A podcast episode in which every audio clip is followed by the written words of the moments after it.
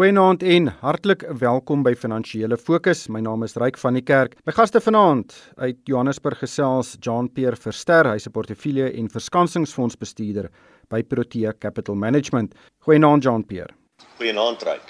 En uit die pragtige Eiserfontein daar in die Weskus gesels Christo van der Rede. Hy is die adjunk uitvoerende direkteur van Agri SA. Goeienaand Christo. Goeienaand en ook goeienaand aan al die luisteraars. Christo, ek weet nou nie hoeveel aksie daar hierdie week in Eiserfontein was nie, maar ons is nou in vlak 3 van die inperking. Dit was die eerste week van vlak 3 en dit het meer as 8 uh, miljoen mense laat terugkeer werk toe. Uh, dit is nog seker nog heeltemal te vroeg om te sien wat die impak op ekonomiese aktiwiteit was, maar ek het baie meer mense op die paaie gesien, ek het baie meer winkels gesien wat oopgemaak het. Wat was jou indrukke? Dink jy die ekonomie kon al in week 1 behoorlik in eerste rad kom? Uh, Ryk ek ewe verward uh, want dit lyk asof mense net absoluut uh, normaal begin funksioneer. Van uh, bepaalde inperkings is daar geen sprake nie. Mense is op die strate, en mense doen besigheid en jy sien dit oral in die formele dele van die dorpe en stede, is daar baie baie ekonomiese aktiwiteite in die gang. En dit bring my by die vraag, uh, jy weet, is hierdie tipe van 'n uh, stapsgewyse normalisering van die ekonomie die regte ding om te doen? Mense onderskei nie tussen die stappe tussenin nie. Uh, jy weet jy het of jy het 'n uh, absolute uh, inperking waar jy alle ekonomiese aktiwiteite aan bande lê en stop sit of aan die ander kant maak jy die ekonomie heeltemal oop. En ons moet ook onthou dat baie van hierdie inperkings maak nou nie meer sin nie, want hoe kan jy kerke toelaat 50 mense in 'n kerk toelaat maar jy weier uh, dat uh, haarkapsters en haarkappers weer begin werk. En dit maak net nie sin dat ons die uh, veral die toerismebedryf so aan bande lê nie. So uh, ek dink uh, mense het uh, beheer begin neem oor die ekonomie en na my mening is daar baie ekonomiese aktiwiteite aan die gang en dit is goed want uh, die land het dit op hierdie stadium baie baie nodig. Jean-Pierre, jou indrukke? Ja, dis interessant, Ryk. Ek ek hou daarvan om te kyk na die data van ehm um, wat gebeur met infeksies in ander lande. Lande wat al vroeër infeksies begin toon het. En dit is baie interessant om te kyk en ehm um, te sien wat gebeur in lande soos Spanje en Italië en Nederland waar daar 'n wesenlike afplatting is selfs nadat baie van die baie streng maatreëls van sosiale beperkings uitgestel is. So dit is een datapunt om rede te hê vir optimisme. Aan die ander kant kan 'n mens na data kyk van Brasilië wat natuurlik baie soortgelyk aan Suid-Afrika is in terme van 'n groot gaping tussen ryk en arm en 'n klomp arme mense wat in baie nabye toestande tot mekaar leef. En daarso ongelukkig wys die data dat die infeksie steeds toeneem. So Suid-Afrika sal seker ergens in die middel val, maar wat ons kan neem uit die Europese data, die positief daarvan, is dat as mense tog versigtig is dan kan dit wees dat ons nie 'n tweede sprong sien in infeksies nie. Dit is wat mense voorhoop, maar die belangrike ding daarvoor is dat ons elkeen dan persoonlik verantwoordelikheid neem vir sosiale afstand tussen mekaar, vir gereeld hande was, vir maskers dra in die publiek. En dit is regtig nou in die hande van Suid-Afrikaners dat as ons almal dit doen, dan kan ons eintlik baie naby aan normaal aangaan met ons lewens. Al is daar sektore dan wat nog steeds van baie seer kry, soos reis en toerisme. Maar as ons elkeen nie persoonlik daai verantwoordelikheid neem nie en nie elkeen ons deel doen nie, dan kan dit meer lyk soos die data in Brasilië en dan kan ons nog steeds 'n stygings sien. So dit is regtig amper ek sou sê 'n bemestpunt op die oomblik van hoe dit van hier af kan lyk in terme van 'n afplatting van infeksies of dan 'n groter stygings van infeksies. En dit hang regtig af van hoe ons as Suid-Afrikaners nou gaan reageer uh in terme van vlak 3, 2 en 1 en dat so gou as moontlik daar kan uitkom by vlak 1 teenoor as ons 'n sprong sien in infeksies en dan wie weet, miskien kan terugkeer na vlak 4 toe. Wat ek hoop nie sal gebeur nie. Hooplik sal Suid-Afrikaners elkeen hulle deel nou doen. Uh, Ryk net om daarby aan te sluit, uh, was my dis my baie interessant as jy 'n ontleding gaan doen van hoe die sektore gereageer het, veral die sektore wat as essensiële dienste verklaar is reg aan die begin van die inperking. Die landbou sektor uh, sien ons baie baie min uh, infeksies. Dit is eintlik uh, indrukwekkend as jy gaan kyk na uh, die die die die dit wat die bedryf gedoen het om uh, die verspreiding van die virus uh, binne die werksplekke te voorkom. Hulle het regtig uit hulle pad gegaan om stappe te neem. Maar aan die ander kant, die interessante ding is gaan kyk byvoorbeeld na die mediese dienste in hospitale. Hoe die infeksies daar toegeneem het. Nou goed, uh, dit is so dat verpleegsters werk uh jy weet in dokterswerk uh direkte kontak met uh met pasiënte wat hierdie virus het. Maar hulle sê dat die oordrag van die nood plaas gedurende die direkte kontak tussen pasiënt en verpleegsters en dokters nie. Maar dit val dit vind wel plaas daar wat verpleegsters en dokters sosiaal byeenkom. En dan versaak mense hulle verantwoordelikheid, hulle haal maskers af, hulle raak aan hulle gesigte en so versprei die virus. Ehm um, en dis net dis net so 'n kantopmerking wat ek wil maak. Ja, ek dink dit gaan absoluut 'n ramp wees indien ons terugbeweeg na vlak 4 of 5. Uh, ons sien nou daar is 'n uh, toename in gevalle in die Wes-Kaap, maar ek dink ons sal dit fyn moet dophou en Jean-Pierre, soos jy sê, mense moet verantwoordelikheid vat om seker te maak die ding versprei nie so vinnig nie. Maar Jean-Pierre, die regering of Tito Mboweni, die minister van finansies gaan op 24 Junie 'n noodbegroting ter tafel lê. Die begroting wat in Februarie aangekondig het, is te totaal en al akademies, dit is glad nie meer relevant nie. En daar is uiteenlopende sienings oor wat hy gaan aankondig. Dit is maar verskillende grade van baie baie slegte nuus. Uh, wat verwag jy? Ongelukkig niks goeie nuus nie. Ryk, um, as mens daarin dink en weer eens die analogie gebruik van 'n huishouding wat ons as 'n land nou ervaar, is 'n groot snyding in ons inkomste. Dis nou belastinginvordering in in terme van die konteks van die inkomste van die land. Ehm um, weens die feit dat douane en aksies byvoorbeeld baie skerp afgeneem het as gevolg van die nie verkope van drank en sigarette, as ook laer inkomstebelasting innames, beide van individue omdat mense minder geld uh, verdien, asook van maatskappye omdat maatskappye minder belasting betaal wanneer ons minder winste. So groot druk op ons inkomste as 'n land, maar aan dieselfde kant as gevolg van COVID-19 is daar 'n um, stimulusbesteding en uh, staats uh, uh, werkers wat nog steeds hulle volle salarisse kry. En dit beteken dat ons finansies as 'n land is onder enorme druk. En ek kan nie sien waar die minister van finansies ongelukkig die geld gaan kry om 'n begroting saam te stel om ons uit hierdie verknorsing te kry nie. So een van twee dinge gaan gebeur. Of ons gaan net moet sien hoe ons skuldvlakke as 'n land wesenlik gaan toeneem, ons gaan meer leen, veral wel beide vanuit die buiteland as ook plaaslik van die regering iemand moet kry om die staatseffekte te koop wat die regering weekliks uitreik. En ons het klaar gesien dat die Reserwebank self het begin staatseffekte gekoop maar nie tot 'n groot mate nie. En gelukkig het ons gouverneur erken dat dit is nie 'n goeie idee vir 'n sentrale reservebank om te veel staatseffekte te koop nie dit moet die druk op die staat hou om te probeer om binne sy fiskale raamwerk te aanhou geld bestee.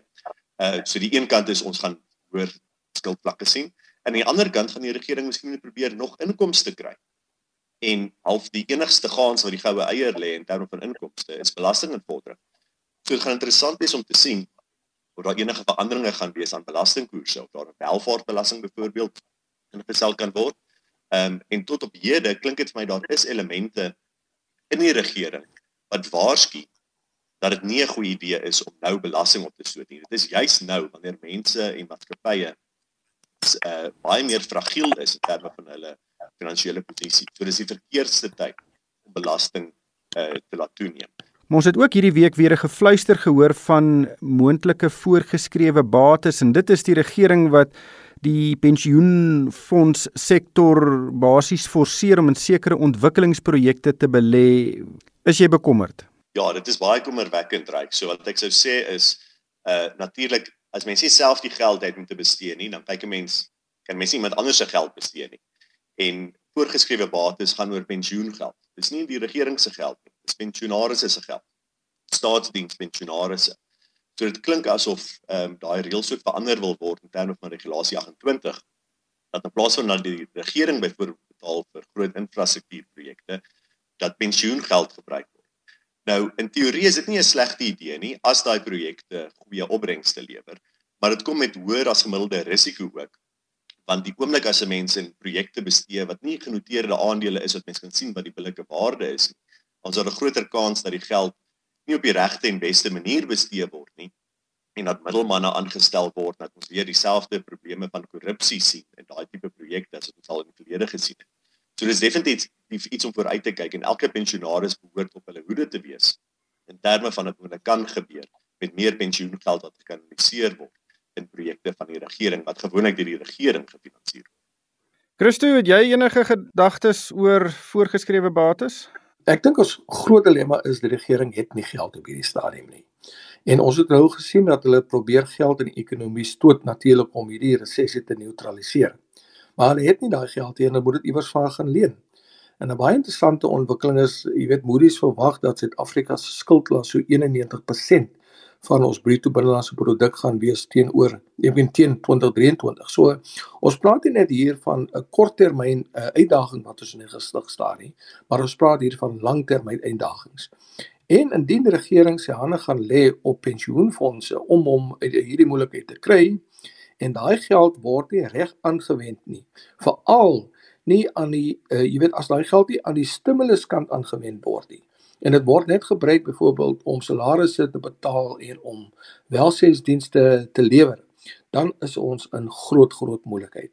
Want die probleem is dalk op hierdie stadium op een of ander manier bestuurbaar, maar oor die lange termyn gaan ons groot groot probleme hê. Die ander groot uitdaging is ook nê dat ons staatseffekte was deel van die uh, eh, FTSE, die World Government Bond Index. Uh juis omdat staatsskuld op 'n stadium uh, deur ons kredietagentskappe uh, as as as uh, kwaliteit gesien is. Uh maar as gevolg van hierdie verlaging na rommel status uh is Suid-Afrika se staatseffekte nie meer deel van daai government bond index nie. So met ander woorde, beleggers, veral buiteleggers, buitelandse beleggers wat in hierdie indeks belê, hulle koop nie meer outomaties Suid-Afrika se staatseffekte nie. Ons sien ook uitvloei van van kapitaal uit die land uit. So uh, Uh die enigste uitweg is dan om te gaan kyk maar watter fondse is daar beskikbaar. Uh byvoorbeeld uh, ons het gesien hoe uh, UIF fondse reeds aangewend word vir sekere uh ehm uh, uh, hulppakkette en uh indien die regering sy hande op daai uh, pensioenfondse gaan lê en dit word reg aangewend, is ons in groot groot moeilikheid. So ja, uh dis 'n tweestrydige staat op hierdie is swart op hierdie stadium. Uh, maar um, ek dink uh, die algemene publiek sal werklik baie behoorde moet wees en ons as die burgerlike samelewing sal baie druk op die regering moet begin uitoefen om elke sent wat nou spandeer word by die staat dat dit op die regte manier aangewend word om die ekonomie uh, te help red. Ek wil net ek, ek wil net graag een um, iets wys net om die silwer randjie daarom uit te lig want ons klink nou baie negatief en dit is dat in terme van reg oor die wêreld het sentrale banke almal hulle koerse gesny. En wat dit beteken is dat regerings kan nou baie goedkoper leen as so minder as 'n maand terug. So waar ons van tevore byvoorbeeld as ekonomie en as 'n regering geld kon leen teen noem 10%, kan ons nou leen teen 7%. So die een silwer randjie is hopelik kan die regering eintlik die ou skuld vervang met nuwe skuld teen 'n laer koers en derhalwe so verligting bring op die staatsfiskus. En mense hoop liewers dat na so iets gekyk sal word as om pensioen pensioengeld te gebruik vir sekere uitgawes. Ek stem saam met jou en Christo ook met jou dat daar regtig kommer is oor of die regering pensioenfondsbates doeltreffend en oordeelkundig kan aanwend. Dit is natuurlik indien voorgeskrewe bates 'n realiteit word. Daardie koel is verseker nog nie deur die kerk nie. Jean Pierre, ek is ook bekommerd oor aandelemarkte. Die plaaslike beurs is tans so wat 5% laer as waarteen ons die jaar begin het maar sedert die laagtepunt in Maart het die JSE se indeks vir alle aandele met bykans 45% gestyg en dit is te midde van die een maatskappy na die ander wat uh, waarsku dat hulle winste heelwat laer gaan wees. Dit is nie net die geval in Suid-Afrika nie, maar reg oor die wêreld. Jean-Pierre is jou gevaarligte besig om te flits. Ja, dis 'n fascinerende effek om te sien die afgelope maand en weer eens ek, ek kom terug na wat ek vroeër gesê het oor rentekoerse wat gesny is reg oor die wêreld deur sentrale banke en terselfdertyd enorme stimuluspakkette wat aangekondig word en baie likwiditeit wat in die finansiële stelsel globaal ehm um, ingestoot is deur sentrale banke en regerings. En wat dit tot gevolg het is daai daai geld moet moet erns uh lei tot hoër batepryse. En dis wat ons sien in aandelemarkte, dis wat ons sien in kommoditeitsmarkte En dis dan 'n groot rede hoekom ons hierdie verskriklike sterk en vinnige herstel gesien het. Nou jy praat byvoorbeeld van van indekse insluitende die JSE indeks. Mens sien ook die prentjie beter as mens kyk na watter maatskappye in daai indeks het veral uh, sterk gestyg die afgelope maand of so. En binne in dit is 'n tegnologie maatskappye wat in wese in 'n sterker posisie is as gevolg van die feit dat hulle uh, um, hulle besigheidsmodel meer geskoei is op mense wat hulle produkte gebruik sonder om sosiaal fisies in kontak te wees wat natuurlik goed is in die konteks van COVID-19. En die ander deel van aandelemark wat relatief goed gevaar het, is kommuniteitsmaatskappye plaaslik. En dis beide as gevolg van die swakker rand teenoor miskien nie 'n maand terug nie, maar noem dit aan die begin van die jaar. Maar tweedens omdat hierdie hoë vlakke van likwiditeit hulle wegvind in kommuniteitspryse. So ons het byvoorbeeld gesien die ysterertsprys het enorm gestyg die afgelope maand. Die Brent olieprys nadat dit skerp gesak het, het ook weer verdubbel die afgelope maand. Uh goud is ook op. Platinum het gedaal vir 'n kort ruk skerp gedaal, maar toe net so skerp gestyg. So die gevaar lig te flikker wel in my opinie ryk omdat ek nie voel dat hierdie stygings in pryse of dit nou kommoditeitspryse of aandelepryse is gedryf is deur fundamentele waarde op 'n fundamentele gesondheid in die finansies van meeste maatskappye nie.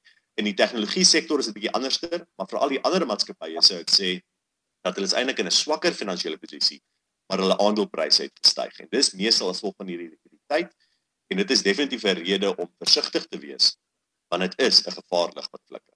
Christo net laastens, ons het ook gesien dat die sake reddingsplan van die Suid-Afrikaanse lugdiens hierdie week bekend geword het en dit stel voor dat 'n nuwe klein fietsse doeltreffende nuwe lugdiens geskep gaan word wat by die SAL sal oorneem, sommige van sy bates sal oorneem en hierdie hele grappie gaan die belastingbetaler omtrent 21 miljard rand kos.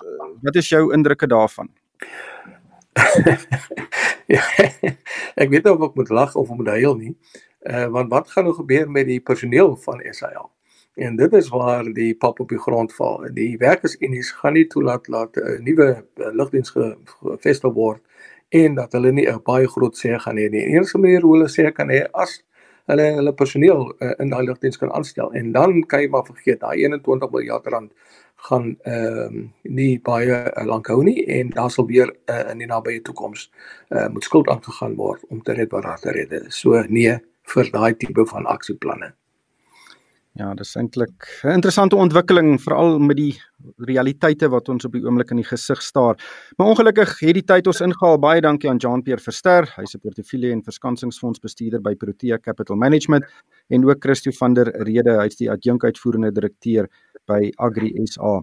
En vir my ryk van die kerk, dankie vir die saamluister en ek hoop almal het 'n gesonde en winsgewende week.